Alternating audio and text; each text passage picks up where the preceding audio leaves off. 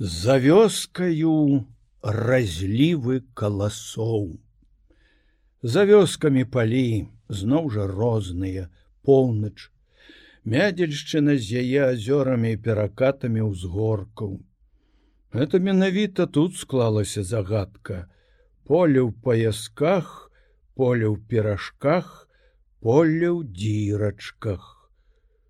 Ты ломіш галаву над тым, што это такое адказ нечаканы поле, паяскі, межы, перажкі, камяні, дзірачкі, дзірачкі сцябліннай ржышч. Паліне дужа вялікія. Валуны значнага памеру сцягваюць на межы трактарамі ці спіхваюць бульдозерамі. І таму на межах цэлыя каменныя валы крэпасці. З валуноў расколатых барталетавай соллю, будавалі часам будуюць і цяпер стайні свірны пуні.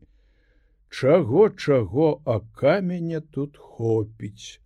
Як сказаў паэт пімен панчанка аматар трымаць чорны камень за пазухай тут мог бы набраць іх на десять вякоў.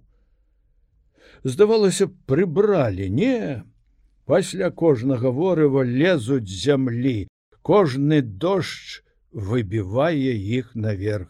На гэтых палетках лілавее канюшына, варушыцца вусаты ячмень, цягнецца, чапляе за ногі вільготна і сакавітае сяло гароху.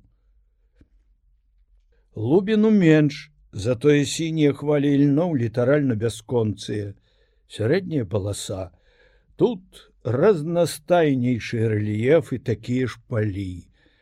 На навагрудчанне з яе высачэзнымі ўзгоркамі меншыя, на раўніннай багатай случыне шырокія і раздольныя. Паўдзённы ўсход шмат займаецца гародніцтвам. Капуста, цыбуля, радыс, морква, памідоры, агуркі, часнок, салата, тут буйныя парнікова-цяплічныя камбінаты, якія працуюць не толькі на Беларусь. Поўдзень палескае роўнае поле, то спрадвечнае, то нядаўна асушанае, На гарызонце зубчасты сілуэт лесу, на дрэвах пасярод поля па адной па тры па пять пчаліных калот на кожным. Тут іх называюць свепет. І зусім няма камення. Захацеў бы ў ворага кінуць. І то не знайшоў бы. І ячменю мала, яго мужика нягледзячы на вусы, перамаглі грэчкай проса. І тут жа да іх у хаўрусу ціснулася салодкая кампанія. Кармавы лубін паўсюль, цукровы бурак на паўднёвым захадзе і нязлічаныя каноплі на паўднёвым усходзе. Ну яшчэ ты тунь, А раз так, то ясна, што ёсць цукровыя заводы і тытунёвыя фабрыкі. Это мы ўсё займаліся пакуль што паважанай, але не самай важнай кампаніяй. Цяпер пра галоўная бульба. Яна паўсюль, яна універсал, за выключэннем некаторых паўночных раёнаў, дзе яе пасевы складаюць 15,8 процент ад пасяўной плошчы, паўсюль яе да 20 процентаў. А значыць, тут жа працуюць заводы спиртавыя і крухмальныя.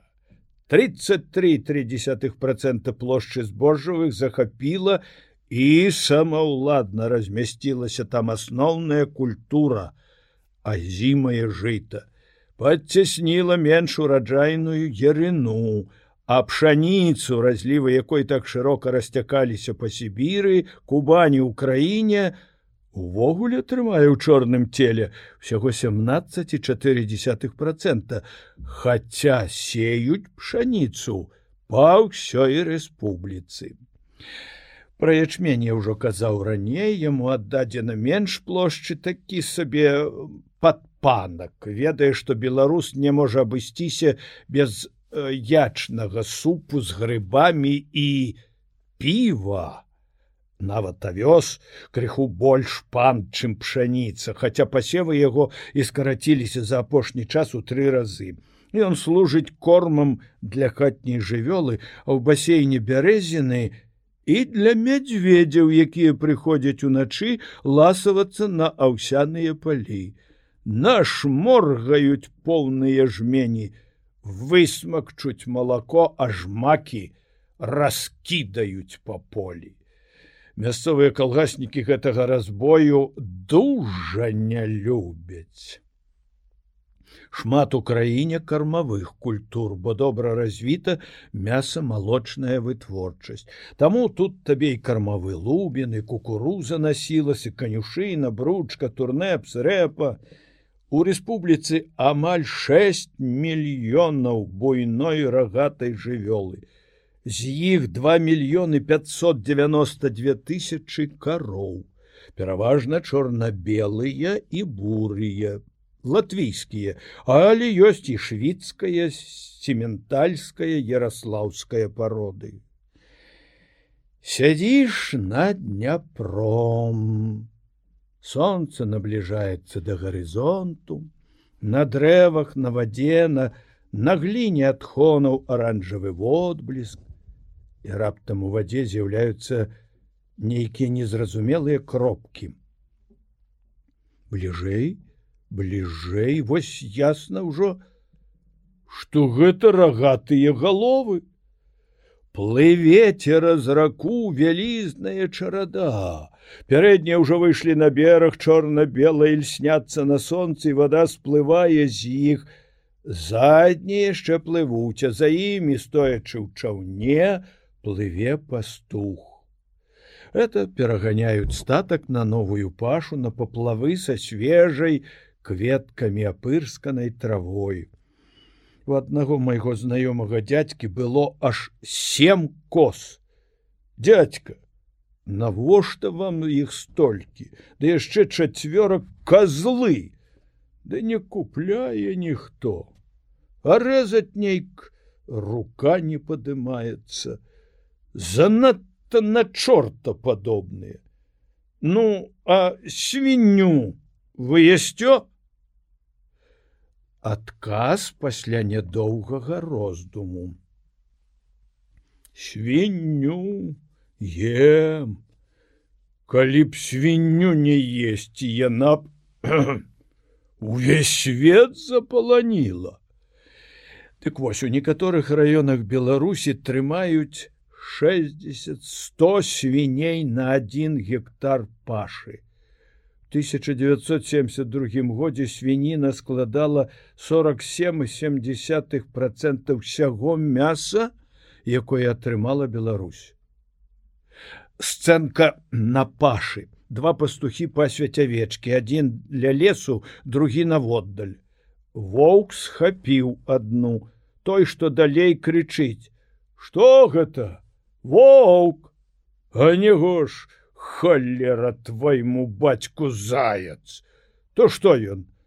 Авечку панёс, а него ж трасца тваёй матары, табе прынёс.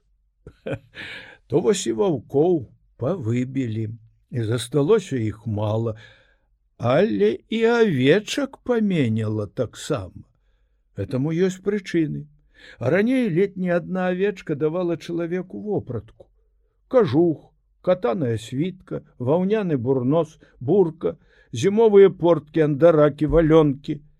Цяпер на змену ўсяму гэтаму прыйшоў крам, ды яшчэ і сінтэтыка дапамагла.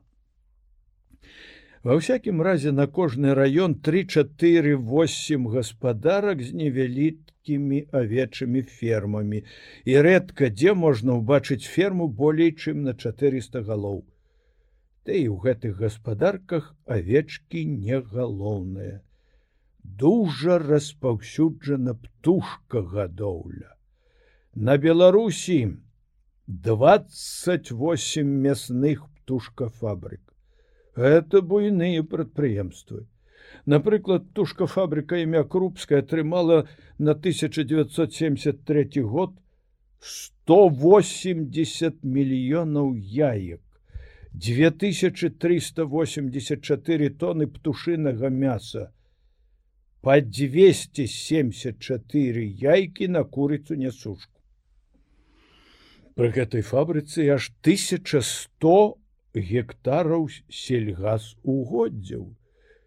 Ёсць і міжкалгасныя птушкафермы, А ёсць і зусім новая галіна зверагадоўля, чорныя серабрыстыя лісы, пясцы, норкі.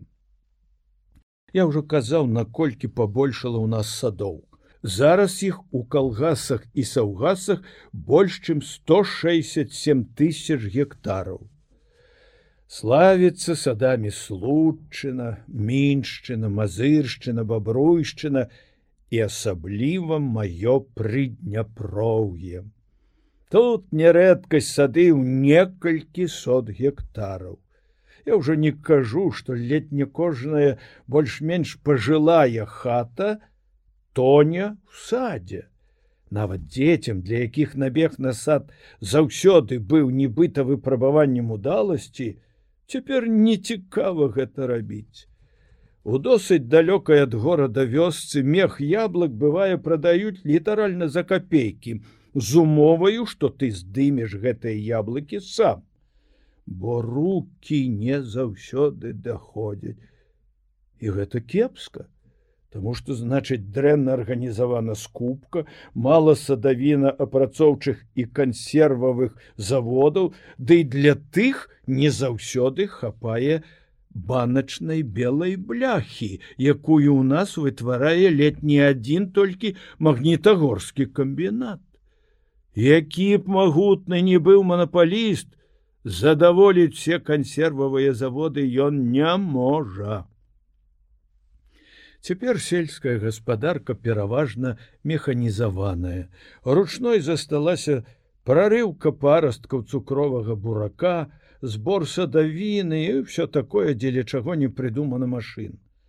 Рэспубліка выпускае шмат відаў машын для сельскай гаспадаркі. Сіласаўборачныя камбайны, ільнамялкі, бульба, уборачныя машыны, сенакасілкі, жнеяркі і многае іншае. І самае галоўнае універсальныя калёсныя трактары Беларусь. Кожныя шесть хвілін трактар з маркай МТЗ. У нас, ды да не толькі у нас, трактары гэтыя ласкава называюць беларус калі ўлічыць што ў 1910 годзе зямлю скраблі ў значнай ступені сахою што напрыклад у мінскай губерні было каля 60 тысяч сох і 198 тысяч драўляных барон каментарыяў як кажуць не трэба. Ёсць у беларуска-польскага мастака ферненанда рушчыца геніяльная карціна зямля. Паўкруглы ўзгорак увесь у эльсняных глыбокіх барознах. І вось з-за гэтага бугра, падобнага на вяршыню зямнога шара, выпаўзае за брэшка валоў і магутны чалавек, схілены над сахою. Вялізнае напружанне, упартасць, все ўбіта ў гэтую неласкавую зямлю, все жыццё і ўсе сілы. У гэтым веліч, але ў гэтым і трагізм. Па гэтых узгорках замест валоў ходзяць зараз машыны, астатнія, што ж і напружанне ў партасці веліч працы земляроба, яны засталіся,